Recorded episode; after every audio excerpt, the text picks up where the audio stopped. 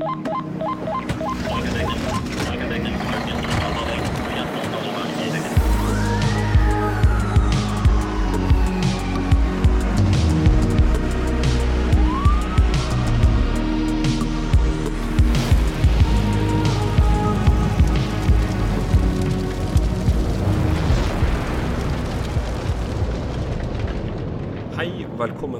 Dagens episode av podkasten Brannkast. I dagens episode skal vi snakke om 110-sentral. Vi skal snakke om hva det er, hva de gjør, og utfordringer med dette. Til dagens episode har jeg fått med meg operatøren Anja fra 110-sentral i Møre og Romsdal. Velkommen, Anja. Takk skal du ha. Så fortell litt om deg selv og din erfaring som 110-operatør. Ja, jeg heter da Anja. En ung dame på 34 år. Jeg har samboer, to egne barn og to bonusbarn. Jeg har vært ansatt som operatør Møre og Romsdal 110-sentral i åtte år. Jeg kom fra bilbransjen. Jeg hadde ingen brannfaglig bakgrunn fra før av. Så det var veldig spennende både for meg og mine nye kollegaer. Ja, Så da har du sikkert eh, opparbeidet deg selv en eh, god erfaring gjennom eh, de åtte årene. Så hva er egentlig en operatør? En eh, operatør kan jo være så mangt eh, i denne sammenheng. En 110-operatør eh, tar imot nødmeldinger. Eh, håndterer melding om brann, ulykke og andre hendelser som faller inn under eh, brann- og redningsetaten sitt ansvarsområde. Vi skal jo skaffe rett hjelp til eh, gitt hendelsestype. Eh, Noen sentraler har bare lovpålagte tjenester, eh, som nødmeldertjenesten. Eh, vi har også andre alarmer vi tar imot, som trygghetsalarmer, eh, automatiske brannalarmer, sikringsradioer fra de som er ute og jobber på fiskeanlegg. Eh, Vi overvåker jo da noen tunneler og parkeringsanlegg i tillegg. Ja, så En operatør har egentlig varierte arbeidsoppgaver. Før så var de aller fleste operatører brannkonstabel. Eh, er det sånn at alle operatører er brannkonstabler i, i dag også? Eh, ja, i utgangspunktet så eh, er det et krav. Eh, for min egen del så var jo ikke jeg det når jeg begynte her, men jeg har tatt utdanninga underveis. Um, Starta da med et eh, nettbasert kurs. Uh, så gikk jeg på grunnkurs uh, for heltidsbrannvesen på Norges brannskole. Deretter så tok jeg et uh, 110-kurs i Stavern, og det siste jeg tok var beredskapsutdanning trinn 1. Ja, Så din vei kan vel kanskje anses til å være litt ja, utradisjonell. Men eh, hva tenker du? Eh, Er det, er det et naturlig steg å være brannmann, og så gå over til eh, 110? Det har vært det eh, fra før av. Eh, de aller fleste som jobber her eh, på 110-sentralen i Møre og Romsdal, har vært i brannvesenet. Eh, jeg er jo en av de få som kommer utenifra. Tenker med den nye pensjonssaken vi går gjennom, eh, så vil det gjøre det vanskelig å rekruttere fra brannvesenet i framtida. Ja, hva handler den eh, pensjonsordningen eh, om, egentlig? Så kort som mulig så var vi alle ansatt som brannkonstabler med de særaldersgrensene en brannkonstabel har. Mhm. eh, hvor nå KS går inn og sier at vi står med feil stillingstittel. At eh, 110 operatører ikke har krav på, på den stillingskoden. Så nå er det tatt fra oss, og vi eh, skal nå sitte her til vi er 70 år. Så det kan jo bli spennende. Er det sånn for uh, politiet? Kan de, uh, må de gå når de er 70 eller 67? Nei, Nei. de har særaldersgrense. Så hvordan blir man en 110-operatør? Ja, den utdanninga som jeg har gått gjennom, er den utdanninga du må ha uh, for å være 110-operatør. Den lovpålagte utdanninga ifølge DSB. Ja, så over til utfordringer ved å være operatør. Forutsetningen for at man skal lykkes ute i feltet, skapes jo eh, inne på sentral. Eh, her er det mye eh, god informasjon som skal videreformidles til de som skal ut. da. Så hva kan en 110-operatør bistå med ute i feltet? Vår jobb er jo å innhente og gjengi så mye og så korrekt informasjon som mulig. Og gi et godt bilde til de ute, og hva de møter når de kommer frem på stedet. Vi har jo mange gode program som kan hjelpe oss eh, også på veien. Et program som heter Crash Recovery. Eh, det kan brukes ved trafikkulykker, f.eks. Der vi kan finne batteriplassering på bilene, som kan være nyttig for de ute. Vi har også egne farlig gods-program.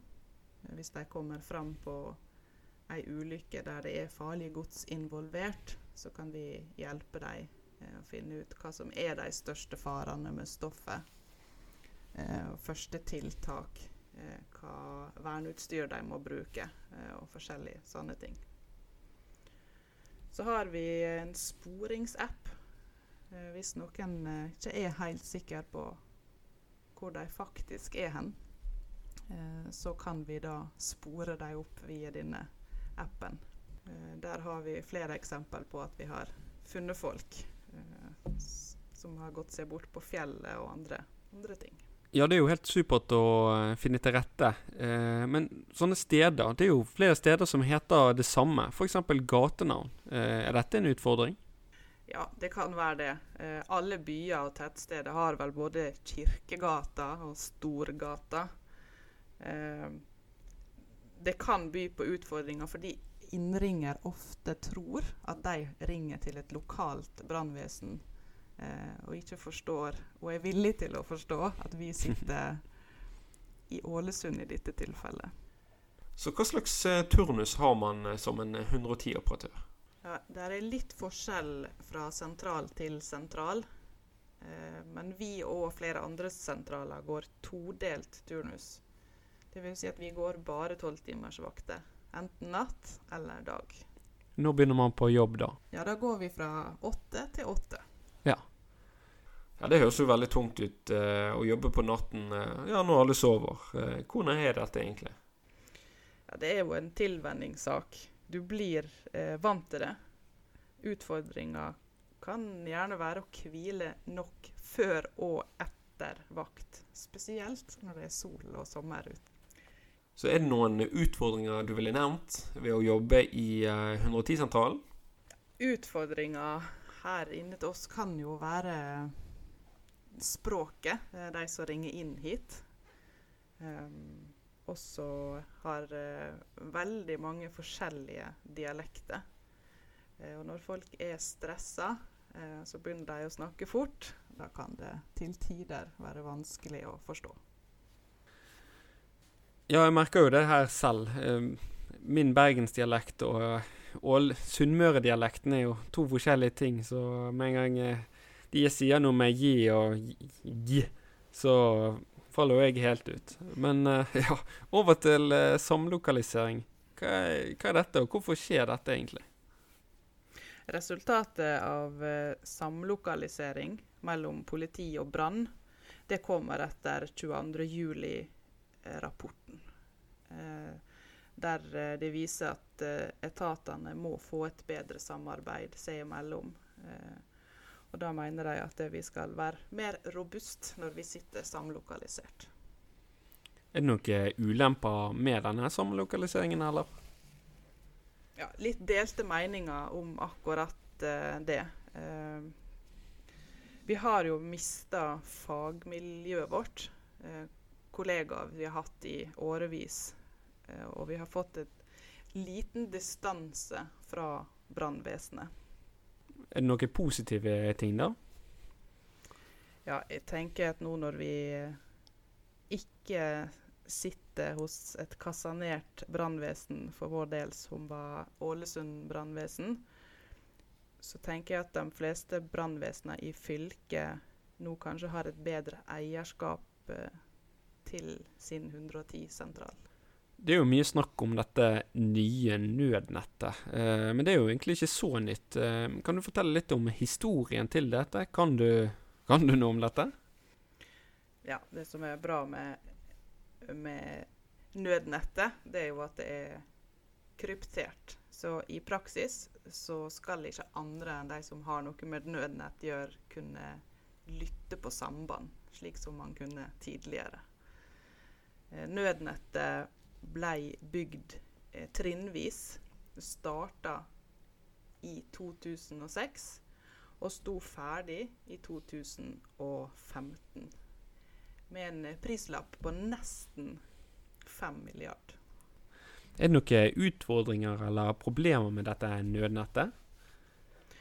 Dekningsutfall, det Mm. skjer. Mm. stort sett så er det kort rettetid. Eh, der er mange basestasjoner. Eh, så i det daglige så er ikke det så store utfordringer med tanke på, på utfall, i hvert fall. Hva kan man gjøre for å forsterke disse signalene, da? Det kan jo være at de faller ut, eller det er dårlig dekning, eller? Er det noe man kan gjøre?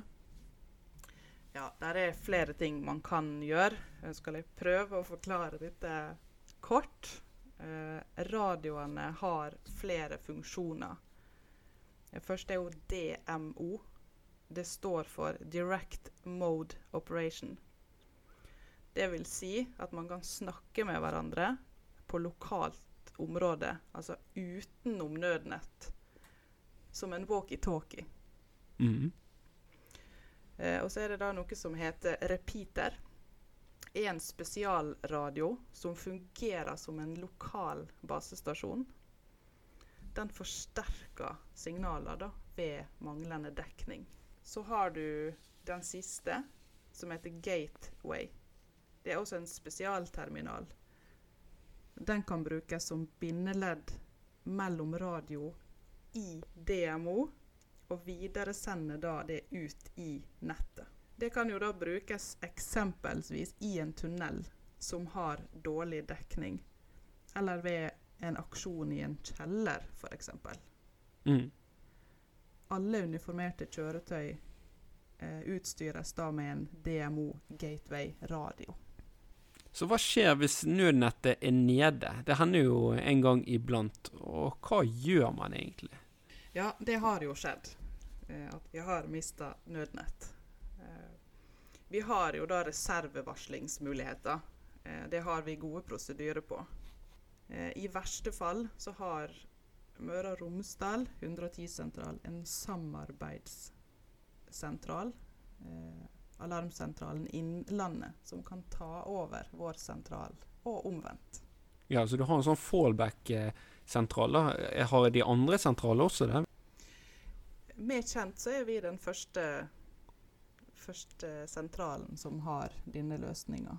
Ja, OK. Så hvordan var det før, egentlig? Hvordan ringte man inn? eh, Hvordan var radioene, for den slags skyld? Ja, jeg har ikke så god kjennskap om radioer eh, og hvordan man ringte inn eh, før jeg begynte i Mm. bransjen. Det jeg vet, er at i 1964 så var det alle politikamera som tok imot eh, nødsamtaler. De skulle ut uansett hva nød det var, eh, så da var det et felles nødnummer som var 000. Eh, etter kort tid så fikk da hver hjelpeinstans ansvar for eget nødmottak. Eh, dette var da økonomi som gjorde. Og da var 001 til brann, 002 politi og 003 ambulanse. Det var først i 1993 at det ble 110, 112 og 113, sånn som vi kjenner det i dag. Ja. Har man prøvd å opprette et eh, felles eh, nødnummer etter 1993? Det er ikke kjent for meg at det er utprøvd i Norge. Eh, men jeg tror personlig at eh, noen år fram i tid så vil det bli en realitet. Og at samlokalisasjon mellom politi og brannvesenet er første skritt i, i den retninga. Ja. Så hva skjer hvis man ringer eh, 911? Det er jo sånn at det er jo et felles nødnummer eh, andre steder. Ja, de fleste mobiler som selges i Norge, de rutes da om til 112. Ja, OK. Og så hva skjer hvis man ringer 112, da, f.eks. i utlandet? Ja, I store deler av Europa så er 112 et felles nødnummer, så da vil du høyst sannsynlig få hjelp. Da kan vi gå over til tips som kan eh, ja, effektivisere samarbeidet med 110. Både når det gjelder uh, de som er ute i feltet, og ja, de som ringer inn. Så ja, har du noen tips til de der ute i feltet som, kan, uh, som de kan bli bedre på? Ja, jeg tenker jeg skal være litt forsiktig med å komme med forbedringspunkt til andre. Alle kan vel bli flinkere til noe. Ja, er det sant? Eh, det tenker jeg spesielt kanskje for de som er i deltidsbrannvesen. Eh, kommer fra små brannvesen og kanskje ikke ute så veldig ofte. Eh, så eh, har jeg inntrykk av at de kanskje kan være litt redd for å snakke i radio. Eh, så da vil vel tipset være å ikke være så redd for å si eller gjøre feil. Eh, det er noe som heter TTT. Trykk, tenk og tal. Da går alt veldig bra. Eh, Tenk trykk-tal. Ja. Eh, jeg merker veldig godt den tenk trykk-tal. Første gangen jeg skulle snakke med 110-sentral, så åpnet jo jeg med øh, Så slapp vi knappen, da. Men uh, det er jo morsomt for de der inne. uh, har du noen tips til eh, hvordan en innringer eh, kan effektivisere samtaler? Ja, det vi vil vite, eh, det er jo hvem, hvor og hva. Det høres eh, brutalt ut å si det, men eh, før vi vet hvor du er, så kan vi ikke hjelpe deg. Da spiller det liten rolle hva som faktisk har skjedd. Eh, så det er lurt å prøve å ta det med ro og snakke høyt og tydelig, rolig. Svare på de spørsmåla nødsentralen stiller deg. Eh, ofte så kan det nok eh, oppleves unødvendig, de spørsmåla vi stiller. Eh, både vi politi og helse. Men det er jobben vår, og vi vet hva vi må vite for å kunne gi deg den beste hjelpa. Ja. Hva skjer hvis man uh, har ringt feil, da? Kan vi bistå uh, Kan 110 bistå uh, helse eller politi? Ja, i utgangspunktet så spiller det ingen rolle hva sentral du ringer. Hjelp, det får du uansett. Eh, og at folk ringer feil, det skjer nesten daglig. Eh, det som er fint, det er at vi har fått felles nasjonale tiltakskort. Eh, så hvis du ringer til brannvesenet eh, når du f.eks. har vært i ei trafikkulykke, så vil vi sette det i trippelvarsling, altså en telefonkonferanse der du har både brann, politi og helse med i samtalen. Så får alle lik informasjon samtidig. Ja, OK. Så hva er de eh, typiske samtalefeilene, da? Eh, litt vanskelig å svare på. Eh, veldig personavhengig. Eh, både fra oss som sitter her, og de som ringer inn. Eh, ofte så kan det vel være misforståelse av situasjonen. En person som ringer inn hit, kan virke veldig rolig. Så rolig at du har vanskelig for å forstå at han faktisk er i livsfare. Også andre veien. At man er veldig stressa over situasjoner som for oss som jobber med det til daglig, så er ikke det så alvorlig, selv om det kan oppleves veldig alvorlig for den som ringer inn. Ja, det kan jeg forstå. Så hva skjer hvis man ikke hører noen i det hele tatt, da? Ja, Eller- Da tenker du på de som ringer inn, at de stiller. Ja. Ja. Det er jo et sjeldent problem. Eh, vi får jo en del lommeringinger. Eh, det greier du jo å avklare ganske fort. Eh, får vi ikke svar, eller vi er i tvil på hva denne samtalen er, så ringer vi jo tilbake til deg. Ofte så kan det være et lite barn som har fått lånt en mobiltelefon og trykt, trykt litt på. Ja, det er sant. Så over til, eh, eller tilbake igjen til eh, brannkonstabler. Er det lov å lytte? Eh, det er jo noen brannfolk som f.eks. sitter på hjemmevakt, og så sitter og ja, liker å lytte, da. Og altså, hva skjer eh, hvis man lytter? Er det lov, egentlig? Ja, ifølge sambandsreglementet så er det kun de som har tjenestelige behov, som skal ha adgang på nødnett og de kanalene vi har. Eh, det er mange som sitter hjemme og lytter i den arbeidskanalen til Brann som da heter Brann 0. Det gjør ikke vi noe med. Eh, det er helt i orden. Det som ikke er greit, det er når de går inn på de gruppene som heter BAPS. Eh, det er jo politiet som eier de gruppene. Så hvis vi har en aksjon som går i ei BAPS-gruppe, og jeg ser at det er flere radioer fra Brann som popper inn i den gruppa som ikke har noe i den aksjonen å gjøre, da bruker jeg ofte å legge dem til i ei annen gruppe. Da vil de få en melding på radioen sin der de ser at de er tillagt. Og da håper jeg at de tar hintet uh, med det. og brannvesenet de har jo eh, på sine radioterminaler der har jo de en uh, rød knapp. Hva, hva, skjer hvis du trykker på den, da?